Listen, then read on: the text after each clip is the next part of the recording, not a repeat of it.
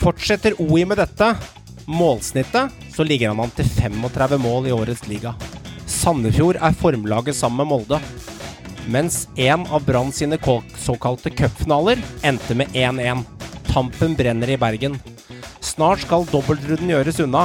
Da vil ting se enda klarere ut. I hvert fall for de som leser tabellen med argusøyne. Velkommen til en ny episode av Synselig. Men det er jo ikke sånn at bohemen etter Vålerenga på 60-tallet At vi kan spille med de 2020, i 2020. Det, det er toppidrett i dag. Fucking joke, den der jævla måla vi slipper inn. Det er, det er piss. Vi har vært bunnsolide i, i hele oppkjøringa. Nå har vi sluppet inn ja, fire-fem pissemål. Det er jævla kjedelig å trene, så det er mye bedre å bare ligge og sole seg og så spille kamper. Så det her er perfekt. I wanted to wish you happy birthday, but it was already go, it go away.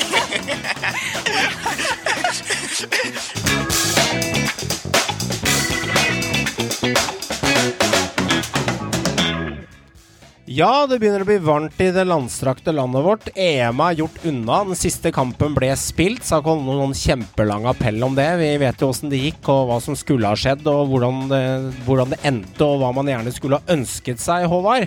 Men eh, vi snakker litt om denne varmen, da. Varmen siger jo nå innover, eh, innover Viken-området. Hvis jeg går tilbake til Nesbyen, litt angående rekorder og gamle quisting, Sagmoen. Nesbyen satte norsk varmerekord 20.6.1970 med 35,6 grader før. Vi kommer nok ikke dit i 2021, men det er sannelig varmt om dagen. Det er deilig med litt uh, sol og sommer og bading på stranda osv. Det, det hører hjemme i en sommerferie. Det er ikke alltid vi er uh, så bortskjemt med det her i landet, så det setter jeg pris på. Joakim, har du fått uh, nytt sola litt og duppa beina du òg? Ja, jeg har det. Og det deilige nå er at selv om sola ikke er her, så er det fremdeles varmt. Så det er liksom 20-22 grader i skyggen, selv om sola er borte og det småregner litt. Riktig. Så det er deilig. Herlig.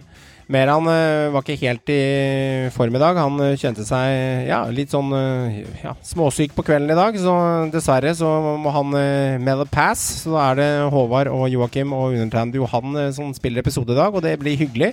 Ser vi litt på den EM-kampen. Vi kan ta et minutt eller to om det. Så det har jo stått det meste Det meste er nevnt, Håvard, om EM-kampen. Men dine tanker når du har sett Italia rane med seg alt til slutt her, dine tanker, del dem gjerne. Ja, jeg vil jo ikke si at det var noe ran, egentlig. Fordi eh, jeg syns jo er det ett lag som kanskje er nærmest uh, etter ekstraomgangene, så er det vel kanskje Italia. Men uh, jeg syns det er litt Jeg må innrømme at før kampen så, så håpa jeg nesten mest på Italia, for å være helt ærlig. For jeg har aldri vært noen stor fan av England. Mm. Men jeg syns jo litt synd på de tre yngste gutta på banen for England, da som da med Rashford, Sancho og, og Saka, som da blir plukka ut og tar straffe. Og så er det nettopp de yngste gutta som blir syndebukker. Og særlig da for eh, Arsenals 19-åring, som er en, da, en juvel av stort talent. Som blir den typiske syndebukken, dessverre. Og, og jeg syns ikke at uh, så unge spillere skal få et sånt press på sine skuldre. Altså, det er avgjørende straffe i en EM-finale på hjemmebane da blir det et helvete, og det har det jo blitt. Det er eh, rasisme, det er ikke sjikane osv. Altså det, det, det hører ikke hjemme. og, og jeg syns at Southgate eh, burde kanskje sett litt på hvem han valgte ut å skyte. At du hadde jo da erfarne spillere på banen der som, eh, som heller burde tatt de straffene, mener jeg da. Mm. Jeg mente ikke ran, jeg mente mer sånn italienerne er de der sleipingene som alltid får med seg noe, uansett. Uh, satt uh, når jeg skulle kjøre hjem, Joakim, uh, etter å ha vært ute og handla litt bakevarer og en energidrikk og noe kjærlighet på pinne til unga, vi skulle se matchen, så var jeg nede på bensinstasjonen nærheten der jeg bodde, og ble flådd av hun dama bak disken. Og så kjørte jeg hjem og tok meg litt bakevarer og hygge hjem for å se matchen. Da satte jeg på den der It's Coming Home-sangen ti minutter faktisk før eh, matchen starta. Og i starten av den sangen så hører du han kommentatoren si eh, Gareth Tholgate, Hall England is with you. Og det er jo nesten litt Det var jo straffa fra 96. Det var jo nesten litt sånn at du skulle nesten mistenkt ham for sånn konspirasjonsteori. At nå skulle han skape en ny syndebukk, så han blir glemt, slik at noen andre kan snakkes om de neste 20 åra, hvis du ser litt humoristisk på det. Ja, eller jeg håper å si det er jo egentlig omvendt. da. Jeg syns jo som i, det første tanken som slo meg når jeg satt og så dette her, og så så jeg Saka skulle opp og ta siste straffekonk, så tenker jeg ærlig talt, skal du klare å bli syndebukk både som spiller og som trener på straffekonk, liksom? Altså, fordi altså, du hadde allerede hatt Sancho, du hadde allerede hatt uh, Rashford, som for så vidt er greit. Altså, Rashford er en god straffeskyter. Uh, ja. Sancho er ikke er sannsynligvis en helt fair straffeskyter òg, men at den avgjørende straffa altså, Det er vel ganske god logikk da, at du på første- og femtevalg i en straffekonk så skal du ha ganske stabilt gode straffeskyttere som har roen i seg. Da putter du ikke en 19-åring som skjøt sin første straffe på seniornivå uh, inn der. Altså, det sier jo seg selv. Så, altså, men hele kampen var litt altså Jeg er jo litt sånn jeg var litt sånn ambivalent når vi begynte. For altså, Jeg liker Italia, jeg har egentlig alltid likt Italia. Det har vært et lag som jeg har heia på flere mesterskap. Uh, men jeg ønska jo at England skulle vinne nå. Uh, om ikke annet, uh, bare for å slippe å høre all den næginga om at det skal hjem hvert, hvert eneste mesterskap. Men jeg håpa jo på England. Men jeg syns de starta bra, men jeg syns generelt at kampplanen i finalen til England var mangelfull. Til dels dårlig. De ga bort hele kampen. Italia vant fortjent, syns jeg. er ikke noe ran eller noe. De vant fullt fortjent. De overkjørte England i de siste omgangen, og også både nesten hele første og andre ekstraomgang. Mm. Så det var helt fortjent at Italia vant kampen her. Men jeg, jeg lurer litt på, da, bare med de seine byttene og så disse, disse straffene det, han virker, virker, som at han gjorde et par dårlige valg uh, utover i kampen, som sikkert har sin gyldige årsak. Men nei, um, du ser det jo også i dag. Da, det er Southgate som får gjennomgå. Stort sett. Alle er enige om det. det. Det, det. er han som får gjennomgå, for det er han som, ja. hans sine valg som førte dette her. da. Mm. Jeg må trekke fram siste til, så syns jeg det er litt gøy at en sånn klasse av en midtstopper som uh, Cellini som da altså er en røver av en midtstopper. altså En ordentlig luring som kan alle triksa i boka. Snart 37 år. Avslutter da med å bli europamester med sitt kjære Italia. Det syns jeg egentlig var litt herlig for en stopper. da. Og Bonucci der, makkeren der. Gutta er jo 70 år gamle til sammen. Ja, ja. Så det syns jeg er litt, uh, litt, artig. At han faktisk fikk et, uh, et mesterskap med seg. og og så syns jeg litt synd på England, det, det syns jeg òg faktisk. Ja. Men uh, det var en ålreit finale. Men det er jo uh, perfekt uh, solanledning, folkens, til å bruke kvalitet kommer til syne. For når den ene treneren gjør taktiske grep og ikke klarer å låse av der, så er det en annen luring på benken til Italia som gjør det akkurat riktig å putte opp de riktige menneskene. Og da kan man jo si lurer kanskje på om uh, Softgaten mista det litt på slutten der, rett og slett. Han mista det litt, som gjør at England ikke hadde sjanse her. Og historien gjentok seg, for England har heller ikke vært, som Joakim påpekte meg tidligere, vært veldig gode på historisk på straffespark. Men denne gangen her så stusta de det bort. Så gratulerer til Italia, og setter vi strek for det. Det blir lenge til vi snakker om EM igjen. Jeg syns det er litt deilig, gutter, at det nå er ferdig. For nå er det Eliteserien som gjelder, eh, og det, for meg er det det som eh, dunker eh, hardest inn i hjertet. Og en eh, ung ny trener, Eirik Skjøne, 30 år, skal overta dette Stabæk-laget, Håvard. Altså, har vi noen gang sett en yngre trener på tippeliga eliteserienivå, hvis vi tar de siste 20-30 åra, som har tatt over et lag, eh, enten på en kort periode eller lengre periode? 30 år er ungt. Eh, alle de åra jeg fulgte, jeg begynte vel å følge med i 93. Eh, så kan ikke jeg huske en yngre eliteserietrener. Det, det kan ikke jeg. Eh, Kjære lyttere, arrester oss gjerne hvis dere vet om noe annet. Ja, det er, eh, det er veldig ungt. Og, og at han har noen, har noen, år på baken allerede som hovedtrener for, for litt lag i, i, i, lavere divisjoner. Og da Grorud, som han tok opp fra PostNord og, og hadde et år i, i Obos. og og gjorde det bra der, og står for da en offensiv, fremoverretta fotball. Gode til å utvikle unge spillere.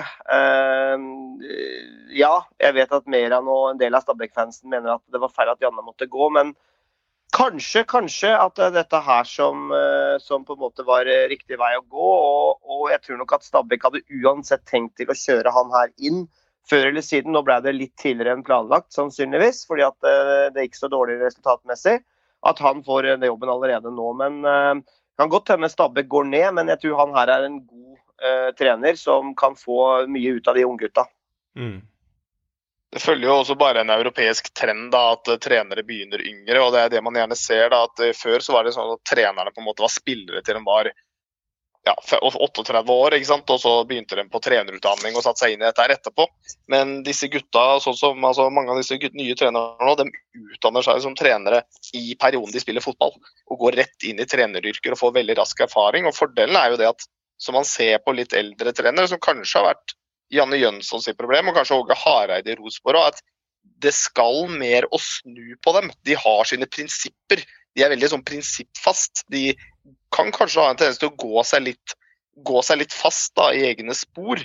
Mens da disse yngre da kanskje ser på seg selv som litt mer sånn at eh, de formes underveis. da, Så de kan gjøre endringer. Jeg tror kanskje det er en fordel som fotballtrener, sånn som i veldig mye annet. At yngre rett og slett ja, de er litt flinkere da, på å tilpasse seg og ta til seg eh, læring enn eldre som har holdt på i 30 år. De har liksom sin ramme å jobbe på. da. Ja, der kommer nok han raskt tilbake igjen. Jeg, ta, jeg, kan ta to ord om det, da. Eh, eh, så kan jeg slippe Håvard ordet etter det. Men eh, en lite oppfølgingsspørsmål til deg der, eh, Joakim. Og det er eh, ja. erfaring med tiden. En trener på 50-60-65-70 år som Åge Hareide. De har vært med i manesjen så lenge. Eh, jeg tror nok at man skal aldri kimse erfaring. Altså for de fleste andre yrker der ute så betyr jo erfaring enormt mye når du møter motgang, når spillere begynner å klage når agenter banker ned døra, når media skal ha svar på ting, og når du eh, møter et vanskelig lag på bortebane og må ha det ene poenget, da er det greit å ha med seg litt i kofferten òg, da. Så for å forsvare de med erfaring. Ja, ja, det er ikke det jeg sier, men hvis du ser, for å gå litt, gå liksom motangrep på det, da, så er det bare å se på europeisk toppfotball nå. Okay. Eh, hvor mange av de beste trenerne der i verden er det som er 60-70 år? Det, det, er ikke mange. Altså, de, det er gjerne altså, Det er de yngre som har jobba seg opp, og kanskje nå er de kanskje par og 50. Men det er fordi de har jobba som trener siden de var 38-39 år. Mm, okay, ja. uh, så nei, jeg, altså nei, du skal aldri kimse av erfaring. Men jeg tror kanskje det som er fordelen, er, som vi var inne på, veldig greit, er at Stabæk trenger kanskje noe helt nytt. Mm. Og da er jo ikke Janne Jønsson det. Uh, selv om Janne Jønsson er Janne Jønsson, mister Stabæk nesten. Altså, altså mm. mm. så, så, er det ikke noe nytt da. Nå får de noe helt nytt. Helt For det er jo et fag. Dette er jo et fag, ja, ja. ikke sant. Dette er ikke, noe, det er ikke noe tull. Det er ikke sånn at du bare setter ut når skjelje løper litt og sier mer lengderekning, gutta. Altså, fotball er et fag, selv om vi er synsere og, og hobbyfolk. Men de virkelig gode trenerne, Håvard, eh, de kan fotball. De, de, de, drømmer jo om fotball eh, eh, om natta. De, de som har vært med lenge her. Jo, øh, og, og, det er jo viktig å presisere da, at det er fortsatt mange ring, gamle ringrever som holder på til de er, øh, er 60-70-åra og, og, fortsatt har store store klubber. Det er bare å se på de store internasjonale klubbene, så er det fortsatt mye gamle trenere som har holdt på lenge og som er gode meritter. Men det er som du sier, Joakim, det er en mer trend nå, holdt jeg på å si. Sånn som du har Nagelsmann nå, som har tatt over Bayern München, som da er i 30-åra. Ikke sant? Mm, okay. eh, og som begynte tidlig. Så det er nå eh, flere yngre trenere som er da skolerte eh, trenere med tatt utdanning, og som har bevisst satsa på en trenerkarriere fremfor og De har, de har ikke vært spillere engang. Mm. De har, altså på lavere nivå da sikkert, men ikke hatt noe toppkarriere som spiller overhodet. Gått rett på å bli, skal bli topptrenere. Mm. Og Det er da et eksempel på Kjøne og Nesselquist i Norge, som da har eh, i ung alder gått rett inn på trenerkarrieren og aldri hatt noen spillekarriere å snakke om. Mm. Og det er eh, da flere, flere der som, Mm. som, går den veien nå. Og det vil du nok se flere av fremover også, tror jeg. Ja. Som, som ikke har noen spillekarriere overhodet, og satser all in på treneryrket. Ja, når vi snakket om, uh, snakket om Stabæk-treneren, uh, Eirik Kjøne, så snakket vi i toppserien. Uh, jeg veit at Magnus Erga er jo hovedtrener i Notodden, blant annet. Jeg mener han er fra Bryne eller Stavanger-området, fra Jæren. Han er 24 år og er en av de yngste topptrenerne. og de er, Det er blant de øverste divisjonene der også, men 24 år det er veldig ungt. Det har ikke noe med Eliteserien å gjøre, da. Du har jo også han i Kjelmeland som tok over Start nå. Han er også bare noen og 30 år. Mm. Eh, start som er i virkelig dyp krise. Han får muligheten der i en stor klubb eh, for å eh, få skuta på rett kjøl. Så det, ja, det, det, er flere nå som eh, Og Nesselquist det er vel ikke lenge før vi kanskje ser han i en eliteserieklubb, eller i hvert fall en topp Obos-klubb. Så ja. Det er flere, flere unge, unge trenere nå som er på vei opp og frem. Det blir spennende. Vi får starte med de klassiske kampene òg. Vi skal starte med ditt kjære Brann i dag. 1-1 mot, uh, mot uh, Tromsø. Og det var jo uh, Bomba Bamba sin tredje kamp på rad med scoring. Han har jo begynt å våkne den lille frekke spissen deres. midtbanen fikk noen par kakk igjen. Strand ute. Og Pedersen måtte bæres ut i denne matchen. Forhåpentligvis går det ganske greit med men det begynner Håvard, å tynnes i rekkene, og dette var en av de tre cupfinalene som vi snakket om. Vi så kampen sammen, og det endte med ett poeng. Ja, det, det er meget jeg må si det er meget skuffende at, eh, at laget og, og, gutta ikke klarer å måte, få fram mer, eh, skape mer, eh, virkelig blø for drakta når det gjelder som mest. Det er som du sier det det er, for, altså det er i mitt hue altså De tre hjemmekampene nå, der må det tas eh, Seks poeng, sa jeg, på, på, på, tre kamper. Nå har vi tatt ett. Det står igjen to. Eh, to kamper, mot Mjøndalen og mot Sandefjord. Eh, det er ikke noe annet enn seier som gjelder nå, ellers kommer det toget til å gå. Fortsatt så er det kun fire poeng opp til kvalik. Det er ikke mye. Det, mye kan skje der. Det er mange kamper igjen. men når du ikke vinner sånne kamper mot antatt svakere lag i ligaen, som da du er også da og kjemper eh, med for å da klare å, få en kvalik eller holde seg over der, eh, over den streken, så må du begynne å vinne. Og, og Brann har nå spilt 13 kamper. Vi har vunnet én kamp. Altså det, det er et lag som rett og slett ikke klarer å vippe kamper til sin favør. Det er mangel på kvalitet. Det er mangel på kanskje kvalitet hos trener også. Eh, vi må jo stille det spørsmålet. Eh, det er mye eh, bytting underveis i kampene. Det er Han prøver, han famler. Han finner ikke noe klar elver. Han får få svar. Så jeg klamrer meg til håpet, for det ser dystert og mørkt ut. Og jeg klamrer meg til håpet om at Mikkel Andersen, som har kommet inn nå i mål fra Midtjylland.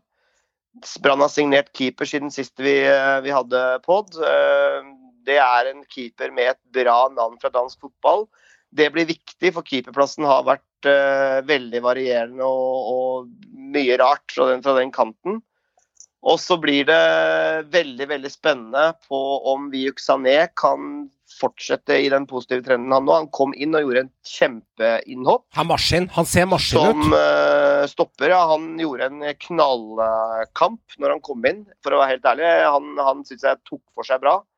Og jeg håper at han nå snart holder 90 minutter. Og så blir det spennende hva Felix Horn Myhre kan bidra med når, når vi kommer til 1.8. Han er jo allerede klar, men jeg er jo ekstremt spent på hva Brann klarer å fiske opp av hatten som da kan bidra offensivt til banen, og da aller helst en spiss.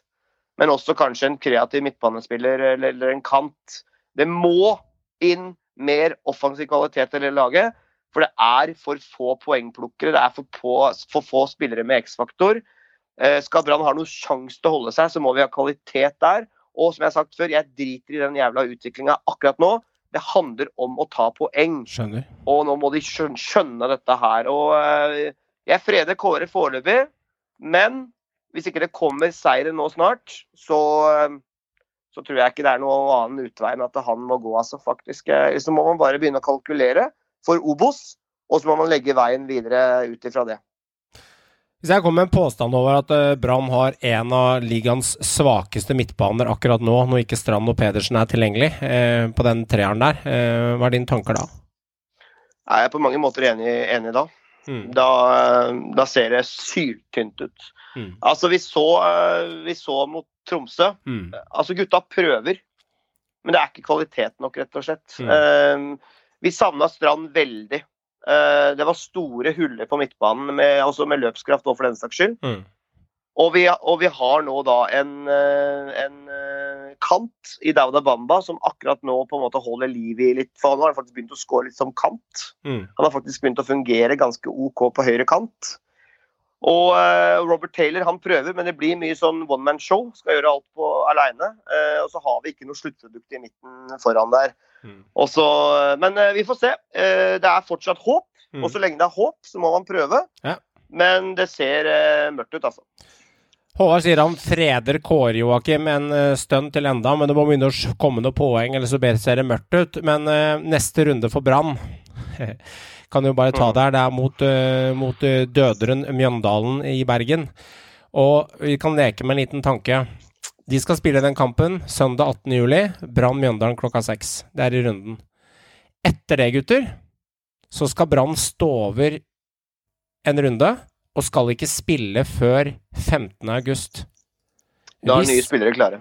ja, men hvis ikke de slår dette Mjøndalen-laget, er det på tide å fjerne han da? For da har de 27 dager på å finne seg en ny trener og gjøre omstruktureringer. Jeg kan starte hos deg, Joakim. Um, altså Det store poenget er da at du må jo se på altså Hvor mange poeng er det de har nå? Sju? Åtte? Seks. Seks poeng. Slår de ikke Mjøndalen nå, da har de spilt tolv kamper? 14. 14. 14? Ja. jeg, har, jeg har ikke tabellen for meg, så dette, Nei, og det er så mange lag med forskjellige Nei, det kamper. er nå. helt greit, det. Altså, Stabæk og Brann ligger akkurat nå likt med seks poeng nederst. Det er disse kampene som vi har snakka om før, de Ja, to-tre det er- kampene til Stabæk, som er helt jævlig. Og så etter Mjøndalen, da, da, altså, da er du halvveis i sesongen Ja, hvis du cirka. gir den ene kampen. Ja. Og du har seks poeng. Og du har da tapt og avgitt poeng mot lag du forventer ligger i bånn sammen med deg, og mot lag du kanskje som ligger høyere, men du hadde forventa skulle ligge der. Ja. Uh, og det Altså seks poeng, altså ja, det er bare å gange opp med to, det. Ja, da er det, ned, det, er det, ned, det, er det nedrykk. Men, men, men, men, jeg skjønner, alle, alle, alle som Det handler jo ikke om, det jo om da er det nedrykk. altså Poenget er jo det er seks poeng. Da mangler du jo du mangler jo ikke da seks poeng. altså Statistisk sett så skal du ha 30. Så altså, du mangler jo da 24 poeng da Ja, men siste uansett åssen du ramper, så er det nedrykk. Altså om du ender med 24 eller 12 eller hva du gjør. Er, du må ha 30. Men tanken min der Ja. bør, bør Brann fjerne Kåre Ingebrigtsen da, når du Ja, har en måned på seg til neste runde? Ja. Det er det jeg kommer til da. Det er veldig enkelt. fordi Poenget står med seks poeng da. Det du må anta da, er at du rykker ned. Ferdig. Du må anta at det er Obos du driver med neste år, hvis du står med seks poeng til avspilt uh, serie. Mm. Og da må det bestemme. Hvis vi rykker ned, altså rykker vi ned, er det altså å, Skal Kåre være med oss til Obos og være med oss opp igjen? Ja. Hvis svaret er ja, og Brann mener at ja, vi tåler det, ja, da beholder de den. Helt ferdig. Mm. Hvis de sier at nei, det er overhodet ikke godt nok, og det er det jo ikke da, men altså hvis de sier at han er ikke riktig mann, som jeg kanskje ville lent meg litt mot da, akkurat da, Mm. så bør du heller gjøre det byttet nå, istedenfor å skulle fullføre sesongen og rykke ned, og så sette inn en ny person uh, inn før neste sesong. Tenker jeg. Okay. Ja. Så det, det, men må de velge, da må de velge da, om de kan overleve med å ha f.eks. Kåre ett år i Obos og rykke opp igjen, Mm. og, og de tenker at det er greit. Det bør ligge i bakhuet da. Men de bør gjøre alt for å klare dette her, da. For å rykke ned, det det er kostbart, Sagmoen. Ja, det må jo alle lag. Altså, Ja, ja. Det sier seg selv. Altså, nå, nå, er vi, nå er vi på Brann, da, og det er den måneden jeg er opptatt av. Din tanker som Brann-supporter, Håvard? Altså, jeg er fortsatt, selv om dette her er sikkert litt sånn eh, romantisk å tenke, så tenker jeg fortsatt at det er muligheter. Selv om ingen andre lag har klart det å ligge så dårlig an gjennom tidene, så har ingen lag klart det. Men jeg ser at det er kun fire poeng opp til kvalik. Det er lag der nede som heller ikke er store fotballag. Og hvis du treffer maksimalt på et vindu inn, så kan en to-tre spillere inn med de rette kvalitetene og den rette skallen gjøre mye i et lag.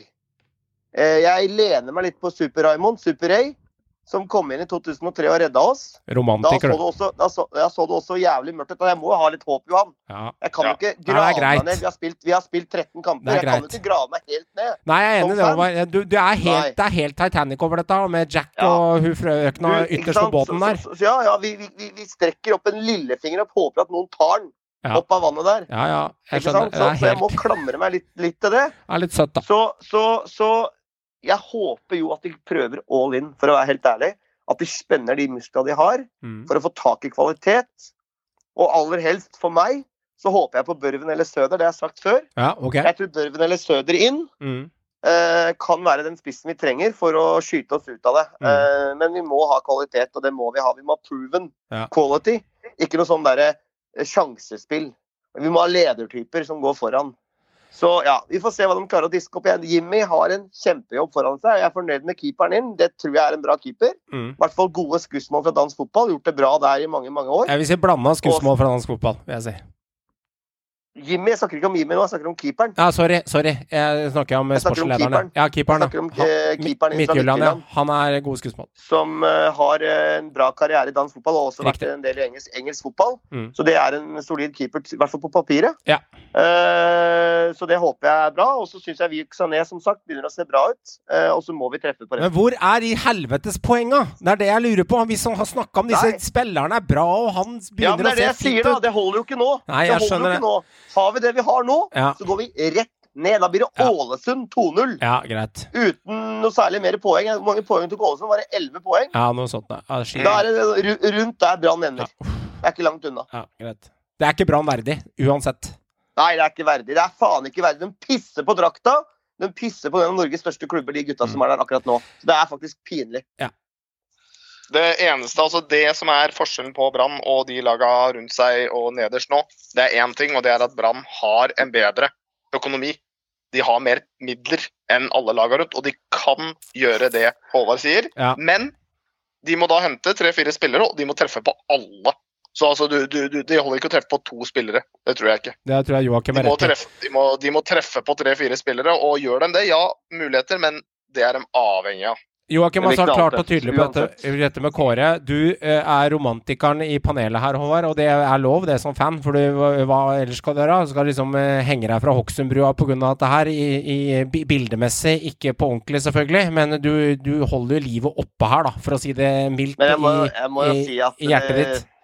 det er hardt å ta inn over seg at vi sannsynligvis spiller Obos i 2022, men eh, jeg klamrer meg fortsatt til håpet til det ikke er noe håp lenger. Eh, faktisk Men. Håvard, hvis de avgir poeng mot Mjøndalen og det veit Ja. du er den verste kampen dere kan få, for Mjøndalen er jo Ja. De er vant til dette faenskapet her, som du skreik ut i stua. Jeg satt jo i stua sammen med Håvard, jeg må si det. Så satt vi også over i kampen til Mjøndalen Med med Var så lættis, jeg kjenner henne så godt, vet du. Så satt vi, Joakim, og så eh, måla til Mjøndalen når de vant 3-0.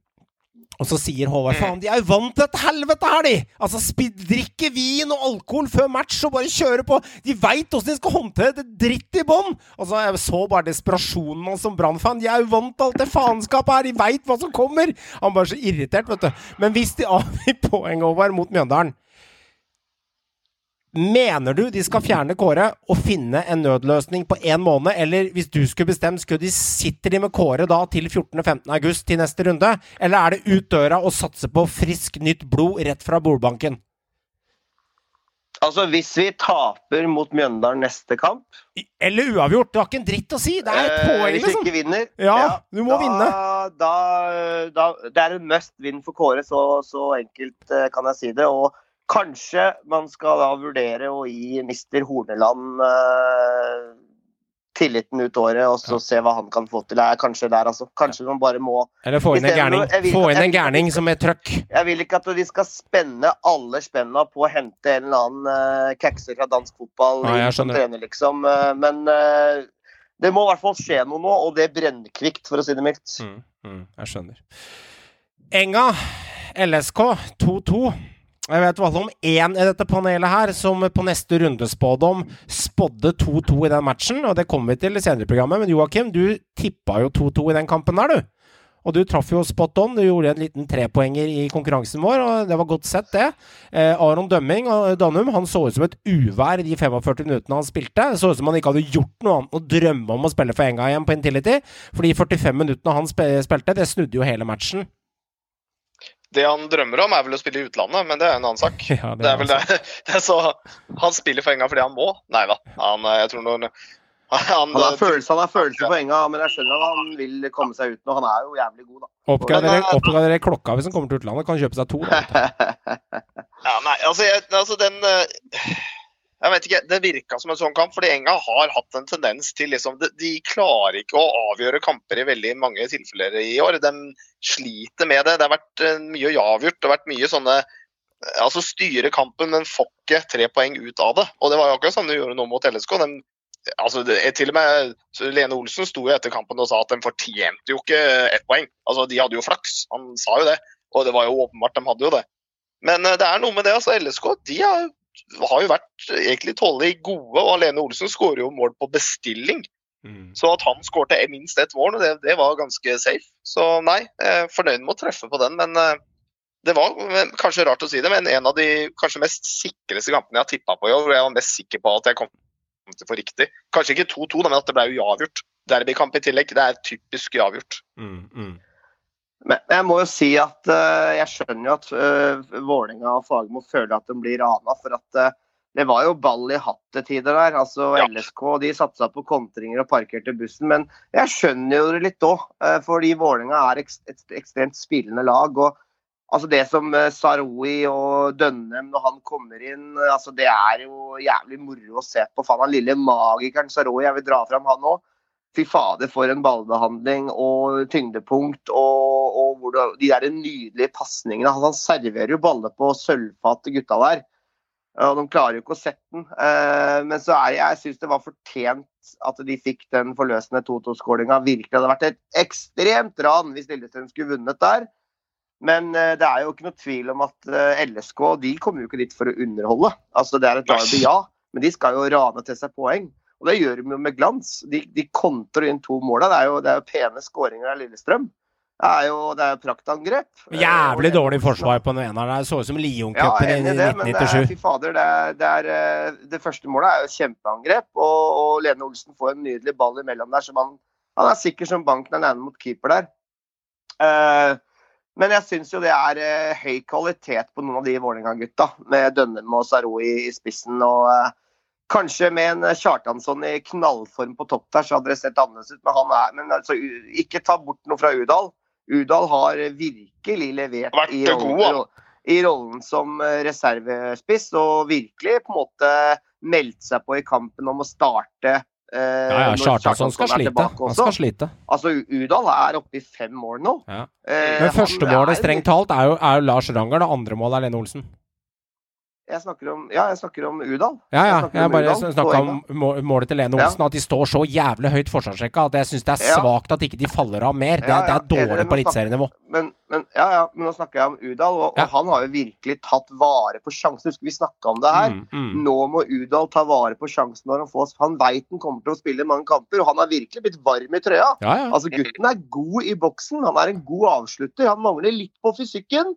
Litt sped og spinkel, men han, er, han tar for seg og jobber på og virkelig nyter å spille for Enga. da. Ja. Og jeg syns jo det var deilig ramme rundt kampen med så mye fans på tribunen. Sol. Altså 7000, full, full, full, altså fullt til randen, så mye de kunne på en måte få inn der. Det er herlig å se at det strømmer inn litt folk på, på tribunen i eliteseriekamper igjen. Og det var en fin ramme rundt kampen. Veldig. Det var det. Veldig. Det var, Eliteserien verdig. i dag. de liksom, skikkelig storoppgjøret vi har hatt i år. Det var sol, og det var 7000, og maks det man kunne få, da, selv om det er lite i forhold til gammel standard. Men i 2021-standard så er det sterkt. Og det var liksom Det var, det var godt kvalitetsstempel stempla i bordet på den matchen der. Så 2-2 og mye skåringer og poengdel var vel greit også. Godt av Joakim å spotte den også. Eh, og så var det denne kam... Eh, eh, ja, Håvard, ta ordet der, du, før vi går videre. Må jo få med oss det, gutter. Det har vi ikke nevnt, men det har jo tikka en bud på Dønnem. Eh, Det har tikka et bud på rundt 20 millioner, meldes det. Og klubben er jo da Standard Liège eh, i, i Belgia. Og Dønnem har jo faktisk nå, det er første gang han har sagt det, han har sagt det offisielt. liksom, at han har på en måte hinta, for nå har han sagt nå vil jeg bort, jeg er for god for denne ligaen her. Uh, han sier det på en måte rett ut, han tør å på en måte slå det i bordet. og nå vil han ha, få sjansen sin, og han er jo ikke, legger jo ikke noe imellom at han, han elsker Vålerenga. Og, og takka jo faktisk selv nei til bud i fjor, for det føltes ikke rett. Men, eh, men nå i sommer så, så vil han ut. og jeg tror at Vålinga skal være fornøyd med et bud på 2025 eh, med tanke på kontrakten han har igjen. Så det kan godt hende at de selger han nå, for de har allerede henta en såkalt erstatter i Albin Mørfelt fra Varberg. Som da er en eh, svensk-norsk spiller, faktisk. Han har spilt på U21 til Norge nå og gjort det ganske OK i, eh, i Allsvenskan. Så han er vel ment som en slags Dønnem-erstatter, da. Ja, faktisk der har jeg vært, faktisk, i Varberg. Litt interessant. Mm. Jeg har faktisk vært der. Det er eh, fun fact om meg, så da eh, smilte du godt, Da veit vi det. Da vet vi det. Da veit vi det, at eh, Johan har vært i Varberg. Det er bra. Da vet vi det. Kult navn da på han nye vingen. Albin. Det var Fett navn. Jeg likte det. Hør- hørt, hørt og lest litt om ham, at han er Han har ganske mange klubber som har vært ute etter òg. Han er en ganske fottrapp spiller også, så han kan bidra litt. Men klart han er jo ikke ferdig produkt, han da. Det, så du kan jo ikke regne med at han går rett inn og gjør eh, Dønnum sin rolle. Men de har plukka opp en spiller. Håper de klarer å gjøre det bedre enn det Rosenborg gjør når de henter fra disse her eh, førstedivisjon og i bunnen av allsvenskan, for da ender det jo bare ut i søl. Så vi, vi får se om Vålerenga klarer å gjøre noe bedre ut av det. Så det blir spennende, og lykke til til Dønnum hvis han drar. Det kan hende, Håvard, det var den siste kampen han spilte på Intility. Det kan godt hende. Det kan godt hende. Det kan godt hende. Godset eh, 1-1 det er jo klassikeren i Eliteserien. Det så ut som dere virkelig skulle Jeg skulle sitte her denne mandagen her igjen og skryte av Strømskog. Ikke at de ikke fortjener skryt, men eh, det så ut som dere faktisk skulle ta igjen trepoenger som de ikke har gjort siden du ble født, Joakim. Men så dukker jo denne lille magikeren Tripit opp, opp, og Berisha klarer selvfølgelig å skaffe et litt sånn halvsleip frispark på en 18 meter, og så kommer 1-1. Ja, men det er jo uh, jeg, fire minutter før slutt, så satt, begynte jeg å få litt sånn Hæ, kan, kan vi faktisk vinne? Det satt jeg her og Men så kom han jo rett etterpå. Da. Jeg regna det var liksom sånn Ja, der kom han, men Ja, ja. Nei, for all del, jeg skal si altså eh, altså, Hadde du bedt meg tippe før den her, hvis jeg skulle tippa ikke med hjertet eller noen ting, så hadde jeg tippa at uh, Viking kom til å vinne 3-1, eh, 3-0. Mm. Uh, det er det Bortekamper på Vestlandet og Godset, det er to ting som ikke går veldig godt sammen. Det er ikke De liker ikke den flyturen over til Vestlandet, tydeligvis. Det er noe som setter et støkk i dem. Ja. Men uh, jeg, jeg er egentlig veldig fornøyd. Uh, igjen, uh, jeg syns kampen Godset spilte var bra. Jeg syns de gjennomførte en all in all en god kamp mot Viking. Det var ikke mye personlige feil, det var ikke mye tull. Det var egentlig ganske solid gjennomført defensivt. Midtbanen jobba bra. Fre- Fred Friday løper jo fremdeles som en Duracell-kanin. Ser ut som han er 19 år fremdeles. Ja. Han løper jo, jo må jo løpe 10 km hver kamp, tror jeg, den eh, spilleren der. Det, nei, jeg syns det var bra. Jeg. Også morsomt da Ipalipo Jack får sitt første mål, og et så veldig sånn ikke typisk godsmål heller. Godset har vel strengt tatt også det å score på altså score på innkast. Det er heller ikke noe godset driver med. Så det var en sånn kamp som liksom ting som normalt ikke skjer, det skjedde. Eh, så nei, jeg er veldig fornøyd. Jeg syns de gjorde en veldig god kamp. Det var trist selvfølgelig at det ikke ble tre poeng, og at eh, den ble jeg vil ikke si rana 1-1. Det er fair resultat i kampen. Begge lag hadde sine sjanser. Det var mye fram og tilbake. Men eh, ja, det er litt surt selvfølgelig at det ikke holder inn og kunne fått de to ekstra poengene som hadde vært deilig å ha hatt. Men det er en straffespark helt på slutten her, da, som er litt streng der. Så faller jo han midtstopperen til, til Viking der, blir holdt. eh, Og ja, han er klart han er på vei bort fra målet, men han blir jo holdt så det griner. Og er, han hadde fått frispark plutselig av 16-meteren over for den. Eh, Så det kan hende at Viking skulle hatt en straffe helt på slutten her, og Berisha skulle fika inn en scoring, altså. Jeg tror Godset er ganske heldig der, faktisk, som slipper unna straffe. For den Ja. var ganske klar. klar synes den var klar, ass. River ned eh, hove- hodet der. Det er svakt Eh, at dommerne ikke ser den. Jeg syns jeg er Runar Hove, stopp, Ja. stopperen der. Så eh, ja, den, der var nok Godset ganske heldig, ja. Man får og man tar og gir litt. Det er litt sånn som skjer, men Godset er vel i den flyten nå at de har en tendens til å klare å vippe ting litt sin vei. De har starta ligaen ganske bra, og du er vel ganske fornøyd samlet sett når det begynner å nærme seg 15 runder og halvspilt sesong her, Joakim? Er du ikke det? Jo, jo, altså, men jeg var jo fornøyd før forrige, etter forrige runde, og jeg er i hvert fall ikke mindre fornøyd nå, da, når du klarer 1-1 bortimot altså i Stavanger, mm. bortimot Viking. Det er jo ikke poeng jeg hadde sett for meg at de kom til å få i første omgang. Så ja, det er nok ett poeng, da. Det er gjerne ettpoengere som jeg ikke forventer at vi får, Mm. men vi får dem. Mm. Så jeg er fornøyd, jeg. Så veit man aldri med Viking. De kunne tapt den kampen. De kunne vunnet 4-1. De kan spille 2-2. Viking er utrolig vanskelig å spå, eh, så det er et lag som er eh, Det er, det er liksom eh, statistikken med at de er best mot godset som regel i Stavanger. Ja, det er én ting, men du vet aldri helt hva du får av det laget, som jeg snakka om tidligere, og det er litt av sjarmen med det laget også. Sikkert jævlig frustrerende å være supporter, for du må jo møte opp med høyt blodtrykk hver gang. Hei, Vegard Hansen fra Mjøndalen her. Har du lyst til å vite hva som skjer i Eliteserien, og litt hva som skjer mellom rundene, lytt til Synseligaen. Podkast av fans for fans. Vi høres. Yes, gutter. Fantasy. Ja, vi kan starte nederst av oss her nå. Skal vi se her. Joakim, 134.-plass. Du kara til deg 36 poeng. Eh, Du ligger da 6 poeng bak Håvard. Så det er veldig jevnt mellom dere, da. Men av oss eh, fire i Synseligapanelet, så er du på 134.-plass i gruppa Synseliga med 36 poeng denne uka. Ja, nei, jeg har jo hatt et par greie runder nå, egentlig. Ja. Så den siste tida har vært ganske god. Men uh, nå kom det en sånn eh, Det var jo igjen da valg valg av kaptein, men der tok jeg egentlig en råsjans. Jeg bare tok en liten sånn uh, ja, Sånn liten sånn side Sånn skudd fra sida, var som ikke traff. Det var cowboy. Det var veldig cowboy. og han som var kaptein min før unna, var jo Lene Olsen, så jeg skulle jo bare beholdt han, selvfølgelig. Jeg skulle jo ikke endra på det. Men nei, altså eh, Det er jo små marginer, da. Altså Det målet til Viking det strippa jo laget mitt for eh, åtte poeng. Mm. Mm. Eh, og så er det da det at jeg bytta kaptein, stripper laget mitt for eh, nye poeng. Så Nei, jeg, jeg syns ikke det var helt gærent. Eh, fikk jo poeng på noe Molde-spiller til slutt, og egentlig en helt OK runde, men det var jo kapteinen, da, altså det offensive, som Særlig midtbanen i mai ja, der var det ikke mye å rope hurra for eh, denne runden. her. Det var vel bare toere, tror jeg. var rekketoer, nesten. Og til lytterne så valgte han Liseth eh, som kaptein. Og jeg tipper at du valgte Sondre Liseth, som ikke er my favorite, som vi har snakka om tidligere. Men eh, å velge han mot Mjøndalen gjorde du vel fordi han spilte mot gamle lagkamerater, er det forstått riktig? Det er, jeg, jeg bare følte at eh, han, han, han putter Han har liksom scora et mål liksom, nå nylig. Han har liksom kommet Ja, ja. litt i gang. tenker jeg, Nå skal han møte gamle lagkompiser. Han klarer å putte et, men så ble de jo rævkjørt ned på konsto, så de hadde jo ikke sjans. Han hadde jo ikke sjans til å putte noe som helst. Men det er ballsy, da, å kjøre den. Så det, Må jo det. det er sånn. Forskjellige ting. Få. Det er lov å prøve litt. Uh, Håvard, du fikk 50 poeng. Og den, når jeg så kapteinen til Joakim Eliseth, så tenkte jeg fy faen, jeg mista det helt. Men når jeg så kapteinen din, uh, så tenkte jeg du i hvert fall mista det. Fordi at du også skulle kjøre mot gamle lagkamerater i Sandefjord Sarp, så du klinka jo til med rett og slett Alexander Ruud Tveter, du. Eh, han fikk jo fire poeng på runden, altså det var jo helbom.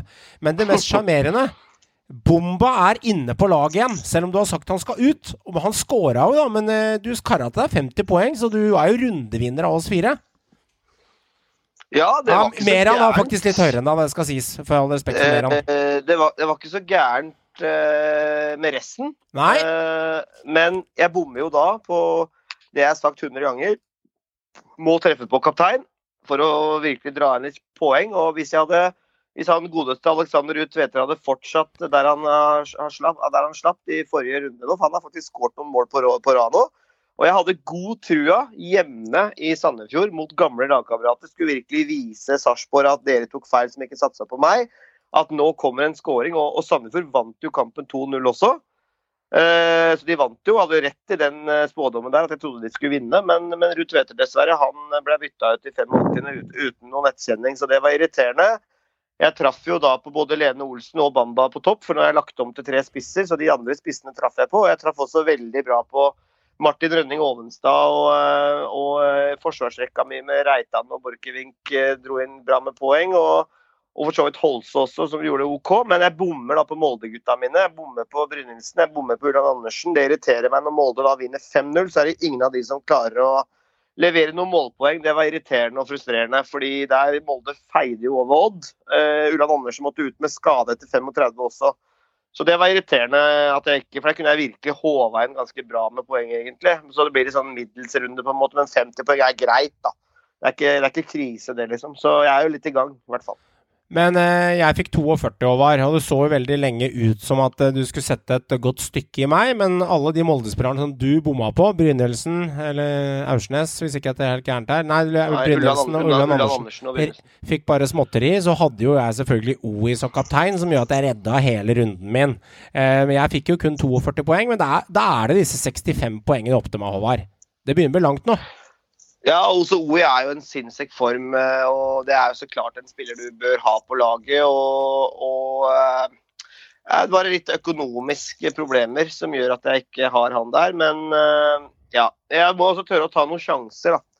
Litt sånn prøve å treffe på litt andre, men altså det er jo egentlig håpløst å ikke ha OI på laget når han er i den formen han er i. Han har jo kanskje aldri vært i bedre form, så vi får se hva som skjer til neste runde. Ja, Har du noen plan til neste runde? Nei, altså det blir nok fort et uh, spissbytte igjen. Har litt penger i banken òg, så vi får se. Ja. Meran han eh, får 62 poeng av oss, og tetter luka litt opp til meg. Så det var jo faktisk en 60 poeng til Meran. Eh, nesten 60. Nå er det 32. Han henta jo godt over 20 poeng på meg, han. Så eh, det, Meran gjorde en veldig god runde. Synd han ikke er her. Han hadde Makani, Riegel, Bjørnbakk, Sarawi.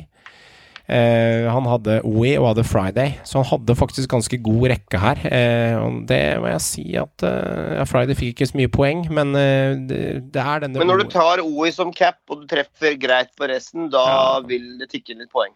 Det gjør det. Så øh, det var sterkt. Eh, Det er bra. Så øh, imponert over han der. Så han, han begynner å hekte seg litt i toget lenger opp. Eh, På, han begynner å komme nærmere meg da, Håvard. Og dere er på side tre, og jeg han er på side to snart. Så det begynner å ligne noe.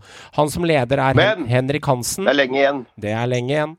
Henrik Hansen med laget Vala. Han fikk eh, 68 poeng. 860 totalt. Han har 62 poeng å gå på til nummer to på lista. Det er enormt. Så han har jo truffet helt sinnssykt. Eh, Han har jo nesten ikke hatt en dårlig runde, han, så han her må jo være en liten luring. 96 poeng, 85 poeng, 77 poeng, 131 poeng. Altså vi snakker bare Sterkt levert. Sterkt levert bare topplasseringer, så han veit tydeligvis hva han driver med. Han har en eller annen spåkule hjemme på rommet sitt, tenker jeg, som han driver og ser i. Sterkt gjort. Et annet lag også som leverer, og vi snakker om dem uke inn og uke ut. Og nå er det vel på tide å eh, gravlegge hele spøkelset om nedrykk. Det er nesten midt på sommeren. Vi er midt på sommeren, gutter. Og midt på sommeren kan vi si Sandefjord kommer ikke til å rykke ned fra Eliteserien 2021. Ny seier i beltet, Håvard. Og en bra seier 2-0 mot Sarp der, altså. Nå har de tre strake seire, Sandefjord. Fire av fem har de Håvard. Fire av fem. Det er jo Det er intet mindre enn eh, altså meget imponerende hva, hva far, pappa Ødegård og Tegstrøm eh, får til nede i Sandefjord med et lag som på en måte er blotta for stjerner. Et lag som tross alt mista en del eh, spillere etter forrige sesong. og og erstatta de med, med på mange måter spillere som er på Obos-nivå og, og benkeslitere fra Eliteserien, og til og med litt sånn her og der fra, fra utlandet. Og, nei, altså det, det, er et, det er imponerende hva de får til, og hvordan de spiller fotball. og jeg synes det er, eh, Vi må ta, ta hatten nok en gang for Sandefjord. altså. De, de, de motbeviser spådommene til nesten hele Fotball-Norge. De år tippa nederst nesten igjen, av samtlige, og de ser ut som de på en måte allerede har eh, kommet seg greit eh, ut av noe potensielt nedrykk og kan på en måte bare spasere inn til ny kontrakt i Eliteserien i neste år. Så ja, det, det må jeg si. De må hylles. Det, de gjør noe riktig der. Når du har tatt fire av fem, fem siste kampene, vet du, eh, og vunnet de, eh, da snakker vi jo 12 av 15 poeng. Det er kanskje mer poeng det enn det Brann kommer til å sanke sammen på 30 runder, Joakim? Hvis vi begynner å sammenligne det opp mot hverandre? Statistisk sett så er det jo gjerne mer poeng enn de to lagene som rykker ned, kommer til å sanke sammen på 30 runder. I år, kanskje? gjerne- Er det det? De har, er jo ofte Det nederslaget har jo gjerne gått 14. under 30 poeng. De har 14 og 17 og sånn, ja.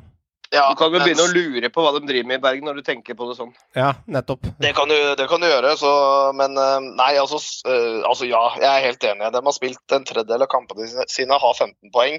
Eh, De behøver jo ikke å vinne mer kamper. Altså, de har dobbelt så mange kamper, og gjøre like mange poeng, så er de nesten på trygg grunn.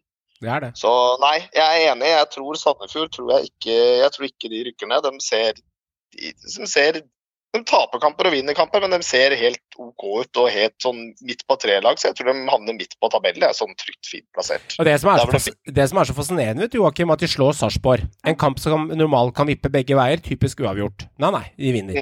Så slår de Stabæk borte. Det er en kamp du skal vinne for å holde Stabæk bak deg, for det er en litt sånn der likt på tabellen-kamp. De vinner den nå.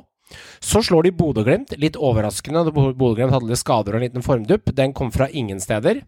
Det er helt greit. Så taper de mot, uh, Godset. En sånn kamp som er litt sånn 50-50-kamp, men de taper den, da. De får ikke den. Det er greit. Men så slår de Viking. Viking er ustabile, du vet aldri hva du får. De tok den. Og før det så tapte de mot Molde. Det er å regne med. De tapte mot Vålerenga, det var å regne med. Og de tapte mot Rosenborg når Mollin satte inn overtidsmålet. Det holdt på å ta Rosenborg også. Den var også å regne med hvis man snakka om kampen. Så de vinner jo de kampene de skal vinne, Joakim. Altså disse, disse knivsegg-kampene der de møter lag som Stabæk, eh, Godset tapte imot, mot Tromsø, Mjøndalen. De vinner de kampene som er sånn Sarpe-kamper, sånn der 50-50-kamper, og så taper de mot de de skal tape. Og fortsetter de sånn, så kommer de aldri i verden til å rykke ned. Det er meget imponerende. Jeg er helt enig, og unnskyld meg, men når du legger fram det sånn, da, snakker vi faktisk om det eneste laget som er det eneste stabile laget som du på en måte kan forutse litt hva som skal skje med Ja, det er i interessant. årets tippeliga. Interessant. Fordi da, da er, Vi har vært innom dette før. liksom Alle laga vinner og taper mot hverandre. Det er veldig sånn der hipp hurra-stemning i ny Ja. utenom, utenom at Molde vinner alle kamper og Brann taper alle sine kamper, så er det liksom midt mellom der, så slår folk alt hytte og gevær. Men eh, Sandefjord ja, de, de spiller som de skal. da. De, de, er kanskje det eneste laget som er ganske sånn som leverer det du forventer de skal levere. Litt sånn, ja. Og, og, og da er det greit, da. Ja, men du, du, du overlever lett med det i årets tippeliga. Ja, Skal du være Det virk, litt- virkelig streng, så havner du midt på tabellen. For de slår jo de laga som ligger under dem. De spiller uavgjort Ja. mot de laga som er midt på. Lillestrøm, Kristiansund og sånne ting. Og så taper de mot store laga. Da er det midt på, og de er ikke så langt unna det heller nå. Kanskje det, eneste, det er det laget som faktisk overpresterer i årets eliteserie. Kanskje vi har knekt koden? Kanskje vi har knekt Sandefjord-koden her? Nå er vi entusiastiske her. Snart så møter de jo Brann nå, det, i Bergen. Det blir vel ny trepoenger der òg. Da er det bare å begrave Brann. Følger man Sandefjords statistikk i år, som er meget tynt grunnlag i Joakim og Johans spåkule, Håvard, så betyr det at de skal slå Brann i Bergen, ja. For det er et lag de er foran. Men det kan jo hende, for bra at jo aldri med Brann. Det er jo jumbo med de òg, at det plutselig kan eh, dukke opp noe der. Så jeg er imponert over Sandefjord, og den gleden de viser etter matchen der også, det er, ja, det er herlig.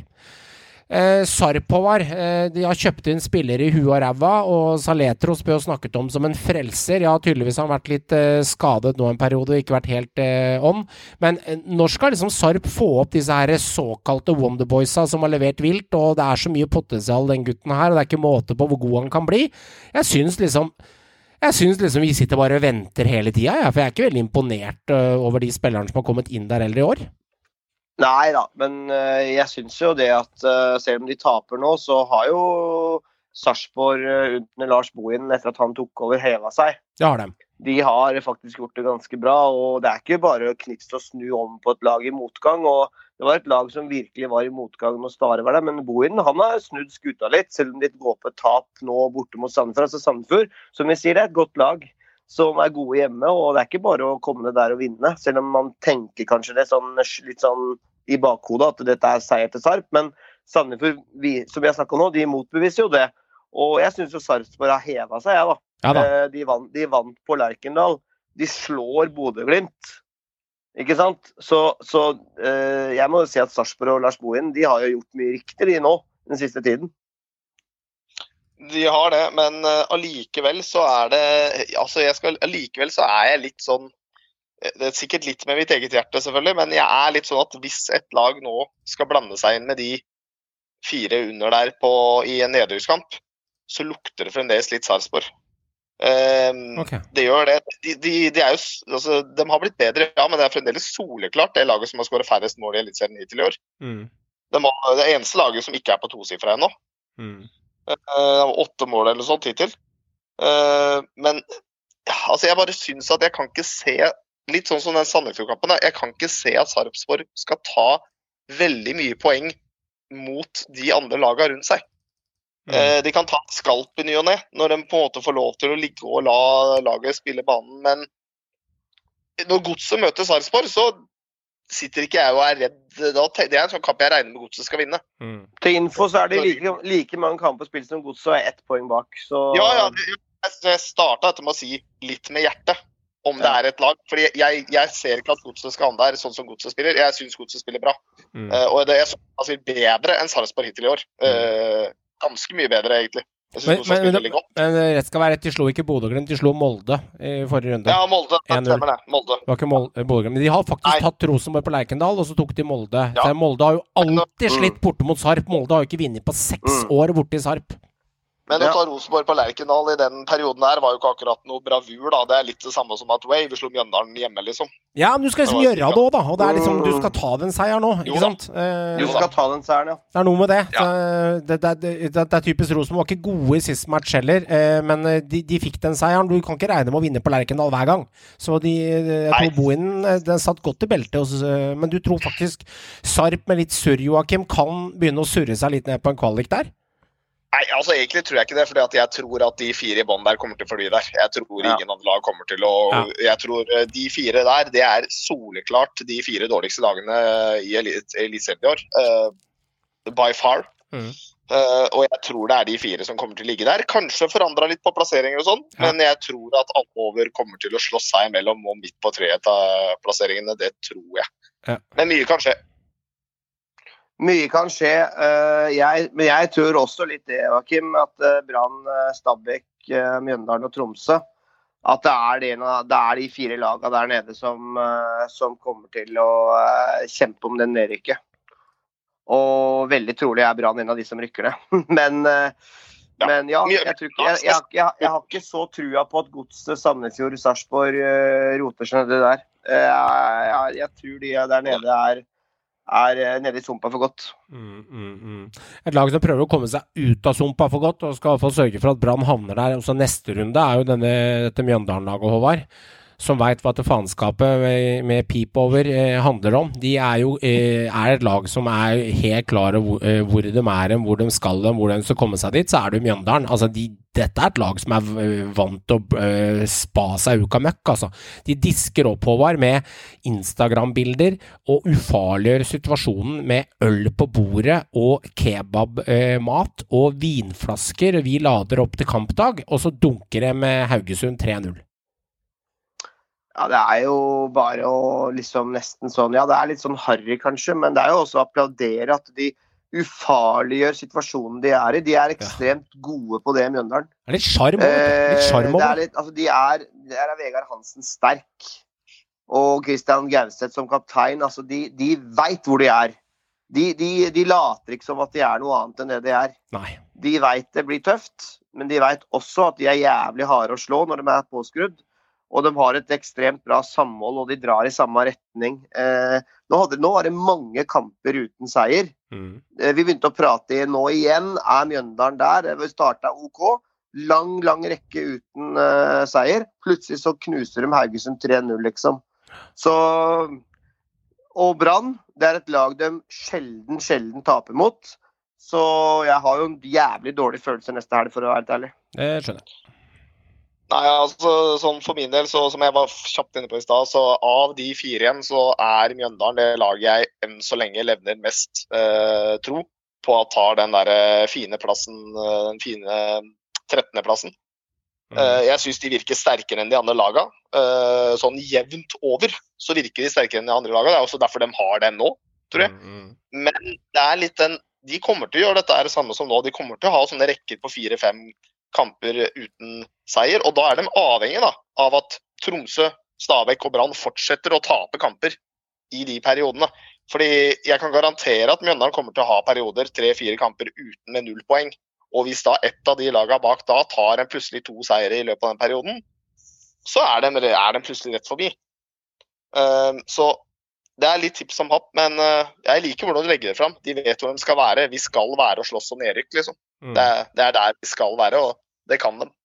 Vet du, Håvard, hvem som er den tolvte Jeg nevner det, det er langt ned i rekka, det er veldig geek over det her. Tolvteplass på den midtbanespilleren. Du bør vite hvem det er, for å gi deg gode hint. I Mjøndalen med mest poeng på Fantasy i 2021.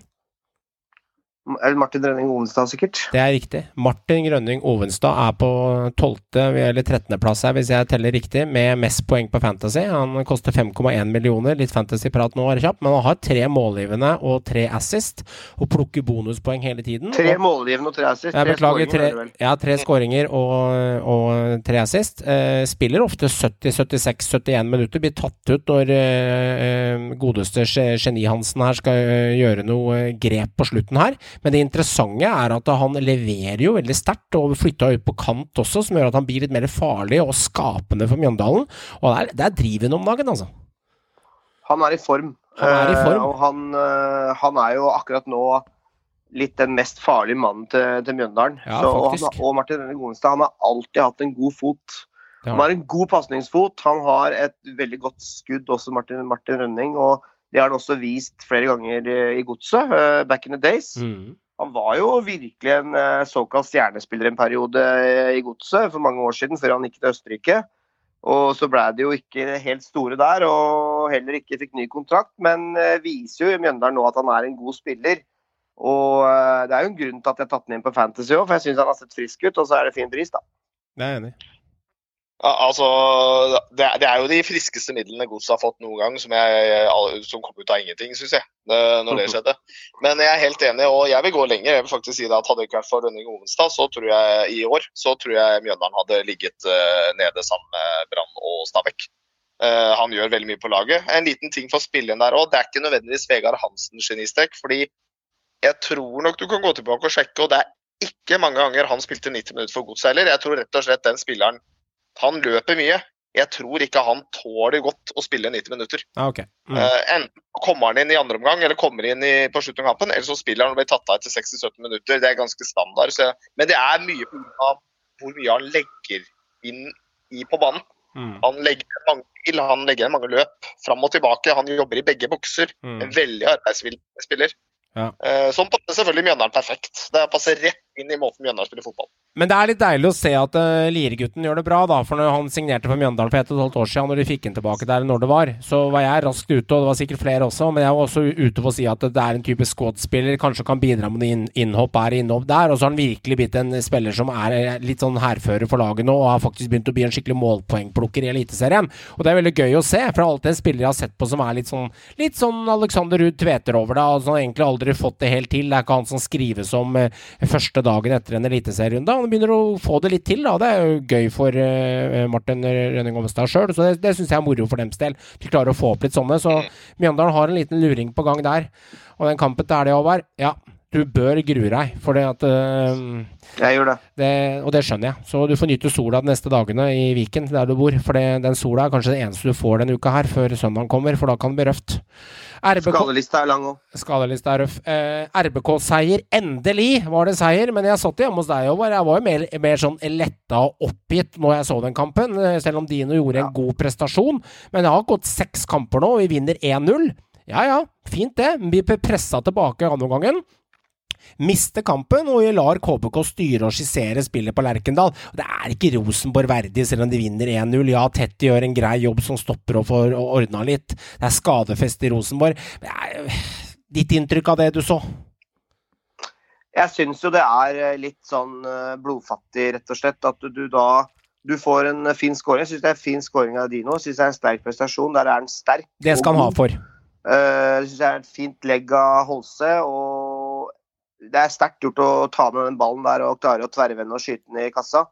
Så det syns jeg var bra gjort. Det er egentlig det eneste bra jeg har sett den gjøre nesten i hele år. Uh, men det var, det var klasse.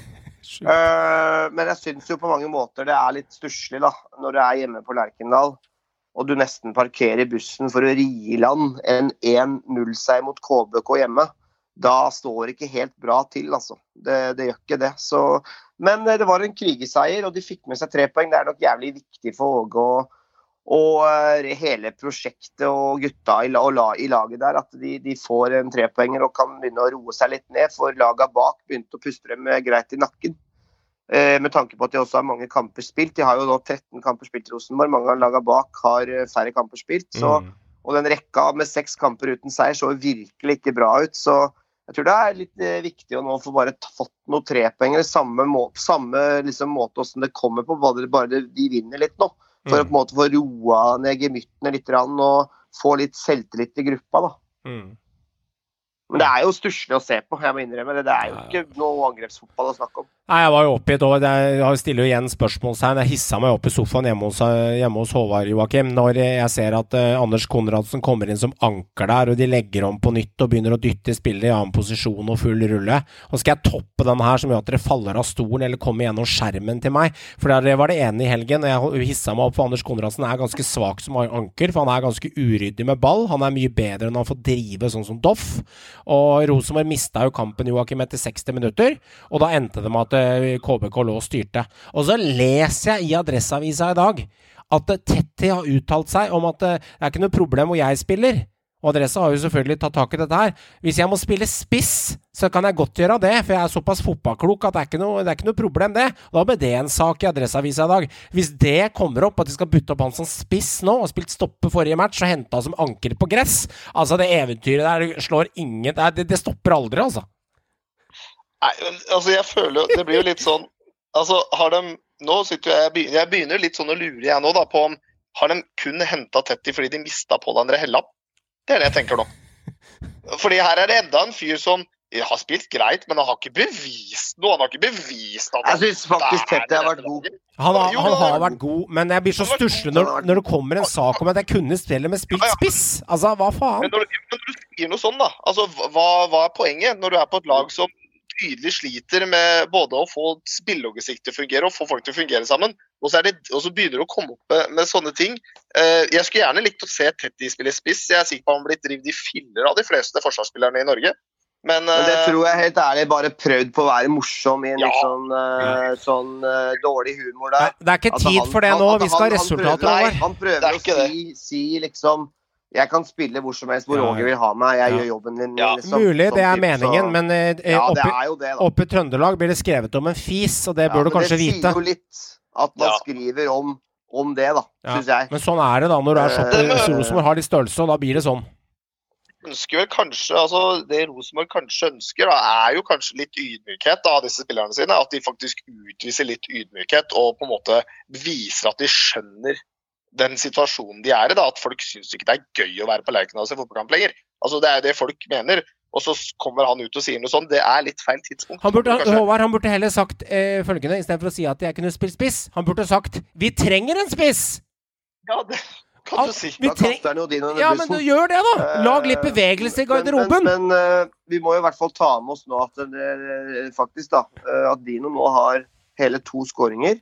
Fy faen, de- du og- jeg sitter og ler av deg. Du gjør narr av det, vet du. Og, og de har nå kommet i to siste kamper på rad. Så vi hadde er oppadgående kurve på Dino Islamovic. i fall. Aksjekursen får- går oppover på han. Vi får ta med oss de to skåringene til Dino. Ja. Og så får vi se hva Doshin og Åge klarer å trylle frem i overgangsvinduet. Og så er det som er interessant, er jo det at det, Åge skal bort, det veit alle. Men Ja. skal Åge da være med på å bestemme hvem som skal komme inn til, i laget nå og videre fremover, eller hvordan er det? Eller melder Åge seg helt ut? Nei, det blir spesialepisode til vinteren, det der. Så det blir spennende å se.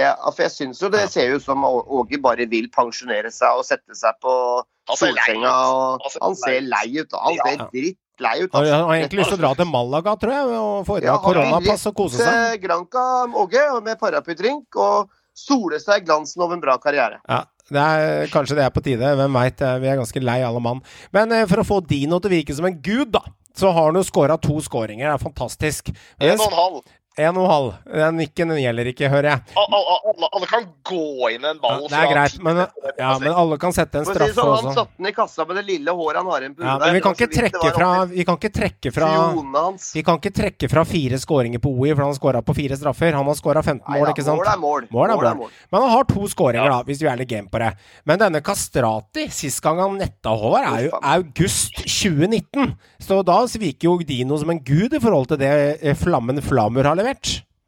Altså, vi har jo vært litt krasse mot uh, godeste Flamur uh, før. Også hatt Og, forståelse. han, og hatt forståelse. Vi har hatt han som gjest. Utrolig hyggelig fyr. Flamur Kastrati. Veldig fin type. Hadde, hadde hatt det tungt på, både på banen og utsida av banen med, med, med problemer. Med, med både ting i familien osv. som man skal ha respekt for. Men vi må jo bedømme det vi ser på banen. og det blir jo ikke mye skåringer på Flamur. Det har faktisk ikke blitt uh, skåring siden 2019. Eh, siden 2019-sesongen. Og han har også vært veldig veldig mye på benk for KBK i år. Uh, jeg tror at dette er en spiller nå som han trenger å komme seg bort. Han trenger å komme til en klubb der han er førstevalg. Kanskje til og med vurdere å gå til en type topp Obos-klubb og, s- komme seg i form og få tillit og få scoring. Han er spiss. Han skal levere mål. Mål har han ikke levert siden 2019. og Det er litt trist å se, for det er jo en profil. Det er jo en eh, kul spiller, en kul type, bra, bra fyr. Som vi ønsker skal lykkes på banen og, og også god til å levere utafor banen. og eh, Jeg håper at han snart finner eh, ut av den for, dårlige formen han er i. For at det er ikke mye rop på hurra, hurra for noe eh, for Flavio Castrati med, med null skåringer på, på to år. Han må, altså, det er, jeg er helt enig, han må komme seg bort, og det er nesten koste hva det koste vil. Det spiller ingen rolle om han havner i HamKam, det har ingenting å si. Han, han, må, han må finne seg en klubb. Kanskje han har gjort det bra der i HamKam? Ja, altså, han, må finne, han må finne en klubb som mangler en, virkelig mangler en spiss, og som ikke som, Ja. Må ta på en måte, å si, det Eliteserien kan tilby. Uh, bare for å få lov for å få 90 minutter i kroppen igjen og begynne å spille kamp og begynne å skåre Få tillit. Og få tillit og bygge opp litt selvtillit. For det er klart det er helt åpenbart når du ikke har skåra på, to- eh, på start. Ja, det blir visst nesten Det er to år, så snart. Ett år og elleve to måneder. Snart eh, to kalenderår, er det vel. Ja. Det blir vel det nærmeste. Og da, da, altså, da skjønner du at det er, selv, det er selvtilliten som er problemet. Det er, det er det. Det er selvtilliten som er problemet, da. Han tror ikke på at han kan skåre mål sjøl, tror jeg. Og Men- du Det er et men her. Han hadde en stupnik i forrige hjemmekamp, som blir satt i mål etterpå på en retur fra KBK-spiller. Og så hadde han en stupnik på bakre stolpe mot Rosenborg. Faktisk en liten stupnik der, og så ble redda av en parade med Hansen. Så han har vært ganske nærme to kamper på raden. Jeg har fått med meg begge to. Så det kan hende, når vi snakker om Flammen nå, at det er rett rundt hjørnet det kommer en. Eh, og hvem vet, kanskje kommer den i august, da. Og da har det akkurat gått to år. Så eh, det er litt synd. Og når du nevner en annen eliteserieklubb, Joakim, er det egentlig rom for en spiller som ikke har scora på to år i en eliteserieklubb som spiss?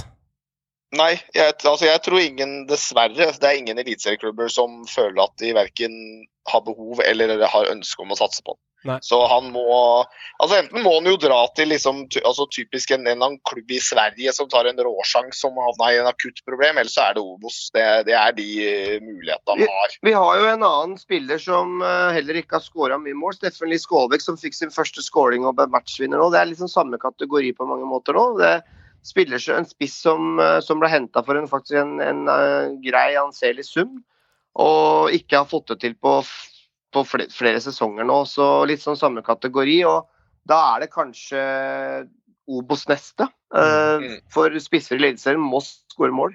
Sånn er det. En, en spiller jeg syns offensivt får litt lite tillit, da, som vi har diskutert mye. Jeg er litt glad i han sjøl. Jævlig effektiv spiller. Og, altså, den- denne Bendik By, Håvard. Jeg syns han er ganske effektiv i forhold til hva han eh, mange minutter han får på banen versus spilletid. Og ergo det vi snakker om spilletid, Ja. så er det jo virkelig en type som faktisk, syns jeg, da, Ja, leverer mål og målpoeng når han får spille. ganske mye Du kan jo nesten begynne å lure på hvorfor spiller ikke Bendik Bye mer Ja, jeg syns det er rart. i KBK?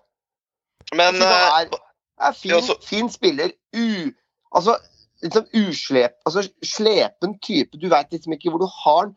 Har et godt skudd. Jeg syns han er eh, undervurdert spiss. Men, eh. Det kan godt være jeg tar feil, da, men eh, han har jo spilt i KBK en stund. Bendik Bye? Ja. Ja, og det er vel ikke så Jeg er ganske sikker på at vi hadde en, eh, diskuterte dette for et par sesonger siden, hvor han faktisk var satsa ned på, hvor han spilte ganske mye, hvor han aldri skåra mål. ja, men Han har aldri vært noe soleklart Men Joakim, Joakim, Joakim eh, Han, spilte en del, for jeg hadde han på Fantasy en periode, Ja, ok. og, og hvor han spilte en del, mener jeg husker, da. Det Men Joakim, ikke- jeg har oppe statistikken hans. Og vi kan Ja. ta et eksempel, da. Hvis du tar fjorårssesongen, så har han åtte målpoeng med assist og mål. Jeg tar assist og skåringer nå, for det er målpoeng. Han har åtte målpoeng på 1000 minutter i fjor. Og for å spille en hel sesong, så spiller du 2650 eller 2700 minutter. Det gjør ofte keepere, Ja, sånn som ja. André Hansen og sånn. Så han spiller 40% av en sesong under det, og har åtte målpoeng. Hvis han hadde fortsatt det målsnittet i fjor, på en hel sesong, så hadde han hatt 20 målpoeng på 2500 Ja. minutter. Og da hadde han vært i toppklasse, Eikrem-klasse, i forhold til spilte minutter. Så Håvard har litt re ja, men La meg komme til poenget. Håvard har litt rett i det han sier. For åtte målpoeng på 1000 minutter er meget høyt. Det er Molde-nivå på målproduksjon, og det leverte han i fjor. Ok, året før leverte han fire. Men året før der leverte han 1800 minutter i 2018 og hadde 12 målpoeng. Så han leverer veldig mye målpoeng versus minutter han spiller, og det er det det her handler om. Ja, også, jeg også skal altså ikke misforstå, jeg er helt enig, fordi du må huske på Ja, hvem jeg misforstår han ingenting, jeg sier bare Nei, fakta. ja, men Hvem konkurrerte han med i fjor? Ja, men poenget er jo at Ja, Ja, nei, men hør da. Ja. Ja, ikke sant? Ja. Jeg er jo helt enig. Altså, Hvorfor spilte ikke han hele tiden? ja riktig. Hvorfor var ikke han spiss hele tiden? Ja. Den andre Da må du personen som begynne å lure spiss. på hvorfor, hvorfor andre da kommer foran i køen og ikke leverer mål. Ja. Og jeg, jeg stusser litt på det, for å være helt ærlig. At Han ikke bare liker å være sånn. mer. Han er Solskjær, det er Kristiansund, vet du. Uh, de ja, men altså, sånn for spøk til alvor, jeg syns det er rart han ikke får mer tillit. Jeg kan si meg enig. Vi snakker ikke noe Vi snakker ikke eh, Vi snakker ikke noe OI, vi snakker ikke noe Eke James, vi snakker ikke noe eh, Bodø-Glimt-tog med Sink eller, eller Saltnes. Det er ikke det vi skal ha fram her med denne spilleren. Det er vi snakker om- Salvesen, liksom. Vi snakker om en Salve- god eh, eliteseriespiller som produserer jevnt med målpoeng. Ikke noen sånn monster Sinkernagel i fjor som leverte 40 målpoeng. Men jeg syns har bare vist det jevnt og trutt i, alle, i mange år. Ja, jeg syns det er veldig, Åh. veldig rart. Altså Liten tillit. Lite tillit. Syns jeg er merkelig. Kan du bare sammenligne litt sånn morsomt, da? Eh, eh, vi kan ta eksempel Johan Hove. Han leverte en sinnssyk sesong i fjor. Han har ikke vært så markant i år. Men hør på dette her. Johan Hove leverte 13 målpoeng på 2600 minutter i fjor. 13 målpoeng på 2600 minutter. Det vil si at han leverer ett målpoeng per 200. minutt. Det er enkel matematikk. Tar du Bendik By Og Johan Hove husker vi som en av årets spillere i fjor. Eh, det husker alle, han var helt enorm. Tar du Bendik By, så leverte han åtte på 1000. Han leverer ett målpoeng per 125. minutt. Han leverer egentlig 40% bedre enn Johan Hove per spilte minutt, Håvard Joakim. Han er egentlig, Ja. Det er egentlig helt enormt. Jeg vet at du ikke kan tenke sånn, men åtte målpoeng versus hans 13 mot 1000 minutter mot 2006 på Johan Hove, det er veldig sterkt levert.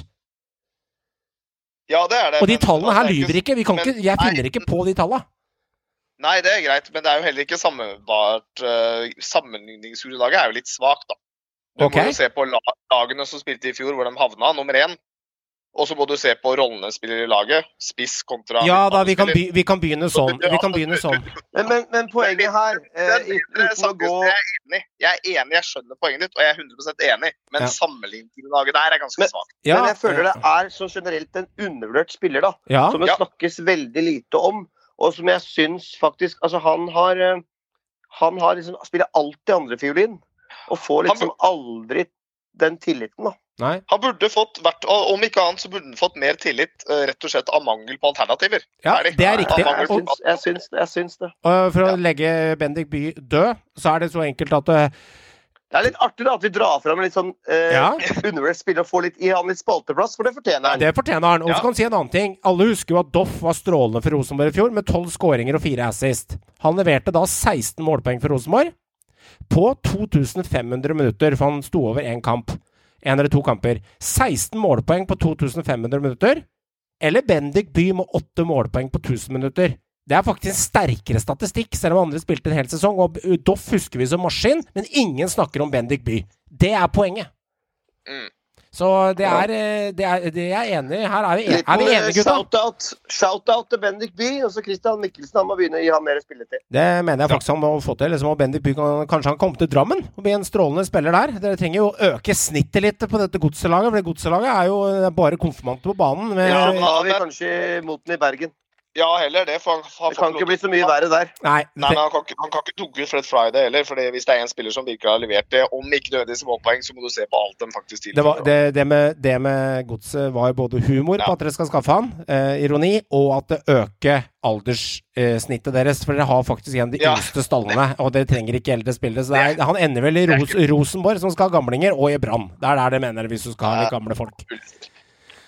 Molde, gutter. Altså, hvis OI fortsetter å uh, golle sånn som han gjør nå, så er vi skåreren 35 skåringer når vi, når vi står her 1.12.2021. Han ligger an til 35 mål. Det kommer jo ikke til å skje, men 15 skåringer Det lukter roser fra uh, Rosenes by helt ned til Viken fylke, og vi kan starte hos deg, Håvard.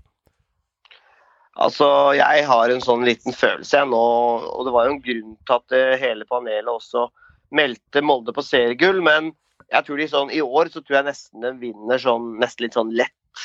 Altså, Nei, ikke si det, ja. de, jeg, jeg har en følelse av det nå. Jeg synes, altså, De gikk riktignok på et tap sist, men kommer tilbake nå og feier Ja. Odd 5-0 av banen. Jeg tippa 4-1. Jeg tippa 4-1, vet du. Det kunne nesten vært mer, vet du. Ja, de kunne det. Og Grødem kommer inn og scorer på brassespark, liksom. Og, Ja. Og de leiker seg utpå der, og det kunne vært mer, altså. Odd kunne hatt, Odd hadde riktignok noen sjanser i starten av kampen der, men det var festfotball Molde leverte. Og, og det er så det er så mange spillere der som kan avgjøre. Det er så mange spillere med kvalitet og X-faktor som har målpoeng i seg. da. Så det er liksom, den stallen der er Norges best, klart beste stall. Og, og, du ser selv om de til og med har mye skader nå, så er det andre som stepper fram og gjør en kjempegod jobb. Og så, det, og så er OI i sitt livsform, da. Det er viktig å si. Han, er, han har kanskje aldri vært bedre enn det han er nå. Mm. Nei, uh, kast meg egentlig på. Jeg, altså jeg, for meg er det ingen tvil. Jeg er 100% sikker på at uh, Molde vinner gull i år. Altså, Så enkelt er det bare. Jeg, tror den, jeg, tror, jeg, tror den, kampen er tapt, det. for det, det, er noe med måten det laget Det er det eneste laget som selv om du går på at alle går på et feilskjær men det er laget som hver eneste runde egentlig alltid leverer. Uh, og det er som du sier, da, poenget er liksom, altså, du, det er nå du ser hva bredden i stallen faktisk betyr. Når alle andre lag sliter med skader, så har de en merkbar dupp. Bodø-Glimt tåler ikke skader på sentrale spillere, da får de en dupp. Uh, Rosenborg tåler i hvert fall ikke skader på sentrale spillere. Uh, Enga kanskje kunne gjort det, men de har ikke selve spillet ordentlig på plass ennå. De har ikke samkjøringa godt nok. Så Nei, det, det, blir gull i Molde i år, som vi uh, sa. Og det, det, det, gjør det. Altså, det Det som er, er interessant med Molde, vet du, gutta, at uh, når Glimt tok det syke gullet sitt i fjor, da var bare Glimt på et helt sånn umenneskelig nivå ned i norsk standard. Ja, ja. Men verst at Molde gjorde en god sesong, de. Ja, ja. Sånn, sånn isolert sett. Ja, ja. På, på, poengmessig også.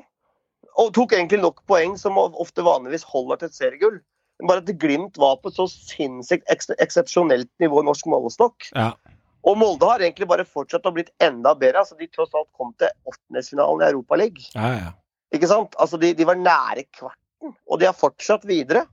Og, og de er meget solide. Det eneste som kan kanskje vippe dette Molde-laget av pinnen, det er hvis de begynner å selge nå i sommer.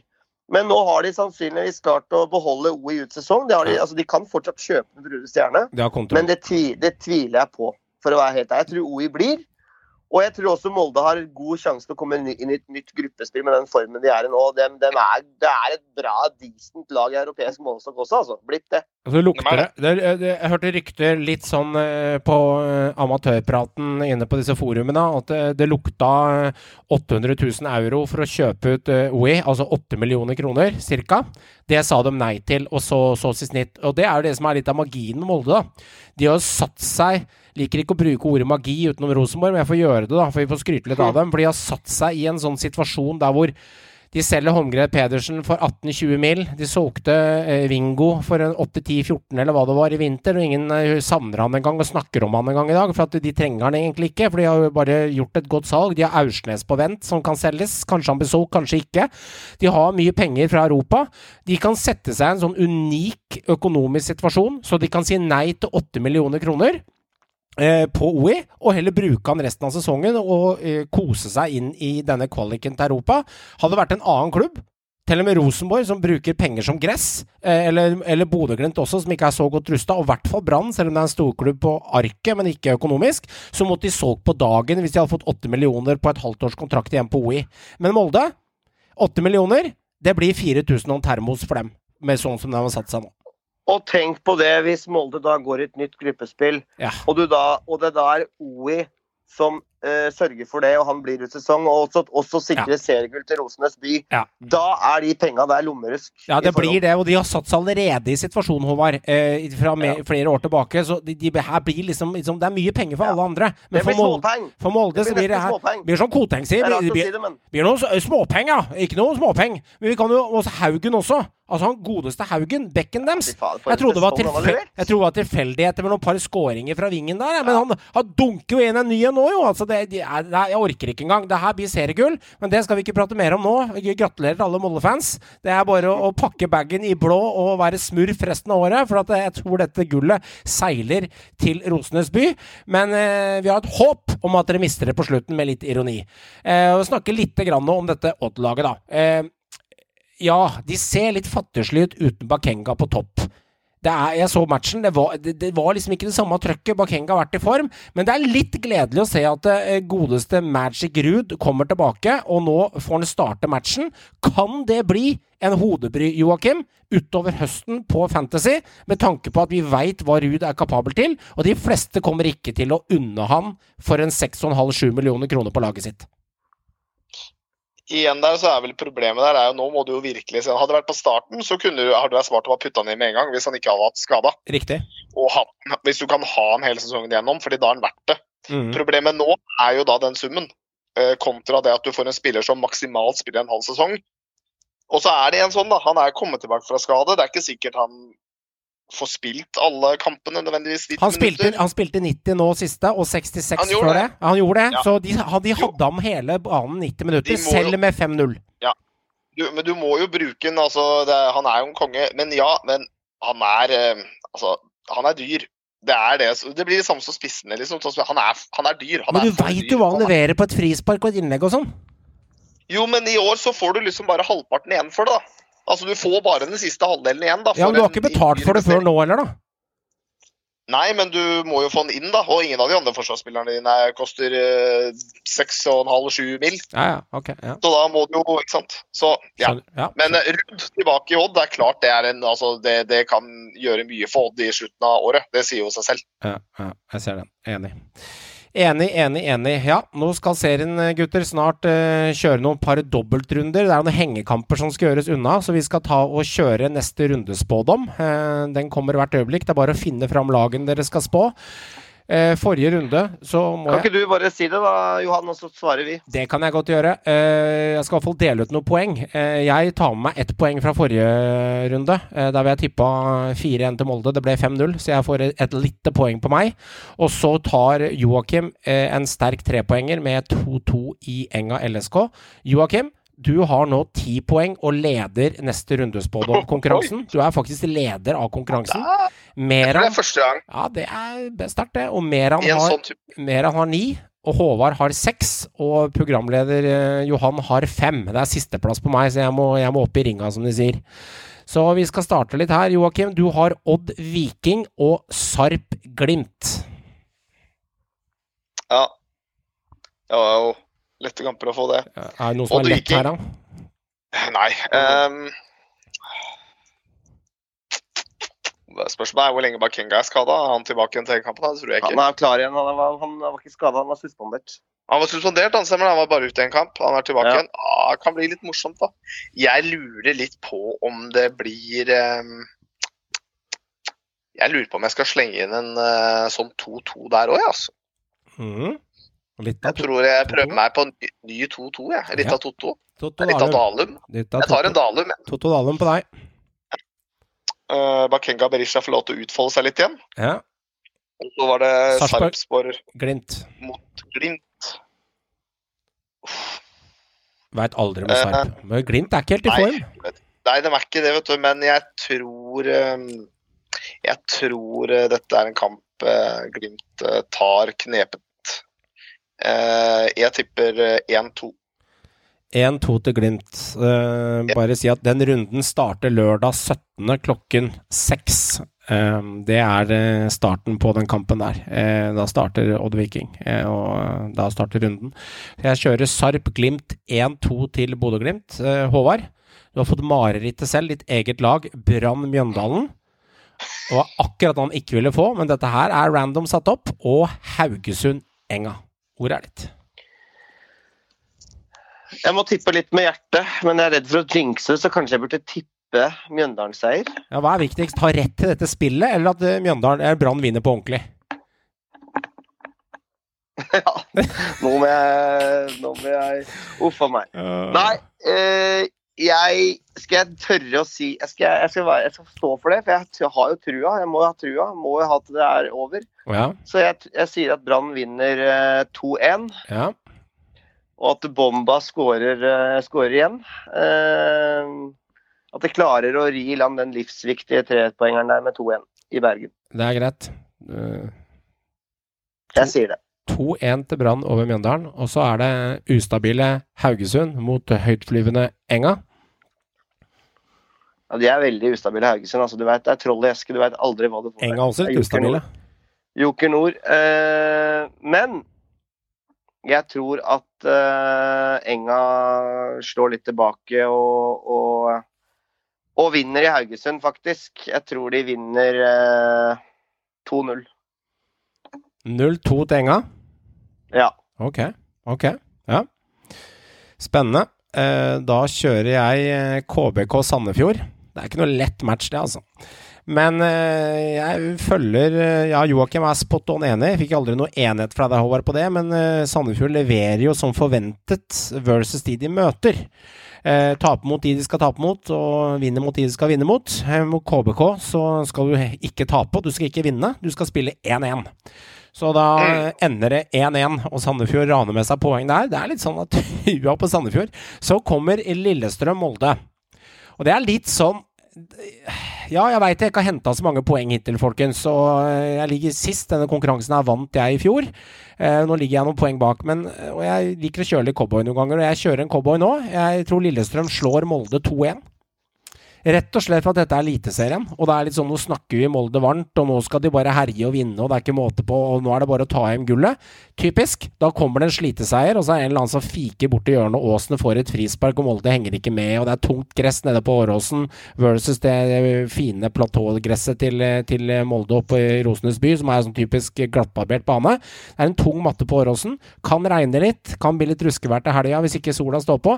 Jeg tror Lillestrøm vinner 2-1. Det er faktisk hjemmeseier der. Det er typisk man skal alltid tippe Molde eller Bodø-Glimt som matcher, men de må tape en kamp en eller annen gang, og nå kommer den. Hjemmeseier til LSK. 2-1. Merans resultater har jeg fått inn. Eh, Tromsø RBK 1-2, melder Meran. Og han melder Godset Stabæk 2-2.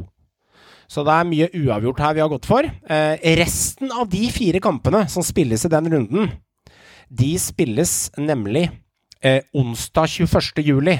Da skal Sandefjord Haugesund, Sarpsborg Mjøndalen, Stabæk Lillestrøm og Godset Odd i ilden som hengekamper, fordi de har kamper på de andre laga. De, Stabæk Mjøndalen. eh, nei, eh, Stabæk Lillestrøm og Godset Odd. Sarp Mjøndalen, beklager. Og Sandefjord eh, Haugesund. De fire kampene der, som er ofte de nedre laga på tabellen, da, ikke topplaga, mm. sånn, skal spille hengekamper den onsdag 21. juli. De snakker vi ikke om i dag, for når vi er tilbake om en uke, så er det to dager til den kampene skal spilles, og da kan vi spå de kampene med én kamp hver, og snakke litt om de kampene og hvordan ting ligger an, så vi stopper der med rundespådom. Og det blir, eh, det blir spennende å se hvordan det er. For de to rundene vi skal ut i nå, gutter og kjære lytter, det gjør at Eliteserien kommer til å bli litt mer satt. Vi kommer til å se om Brann kommer til å henge med pga. kamper som skal spilles. Stabæk skal ha noen par matcher i neste rundene og ha litt å gå på. Det samme skal eh, Odd. Det samme skal Sandefjord. Det samme skal Sarp. Det er flere lag her som skal få til å spille flere kamper. Eh, og lag som Rosenborg, mener jeg. Bodø-Glimt. Eh, Enga og Brann. Altså ergo de sett på de store laga, da, utenom eh, Brann, skal nemlig stå over en god del kamper og ikke spille før om en måned etter neste runde. Så de neste rundene kan bli utslagsgivende i, utslagsgivende i Eliteserien eh, 2020 Takk til Eurosport for bruk av lydklipp i denne episoden. Gå inn på Dplay eller Discovery Pluss for å få tilgang til hele Eliteserien der hvor du er. Kos deg i sola, nyt den masse. Til helgen så kan laget ditt vinne, men det kan også tape. Husk, dette er Eliteserien. Alt kan skje. Vi snakkes. Men det er jo ikke sånn at bohemen etter Vålerenga på 60-tallet At vi kan spille med de på 2000, i 2020. Det det er toppidrett i dag. Fucking joke, den der jævla måla vi slipper inn. Det er, det er piss. Vi har vært bunnsolide i, i hele oppkjøringa. Nå har vi sluppet inn ja, fire-fem pissemål. Det er jævla kjedelig å trene, så det er mye bedre å bare ligge og sole seg og så spille kamper. Så det her er perfekt. I wanted to wish happy birthday, but it was already going, going.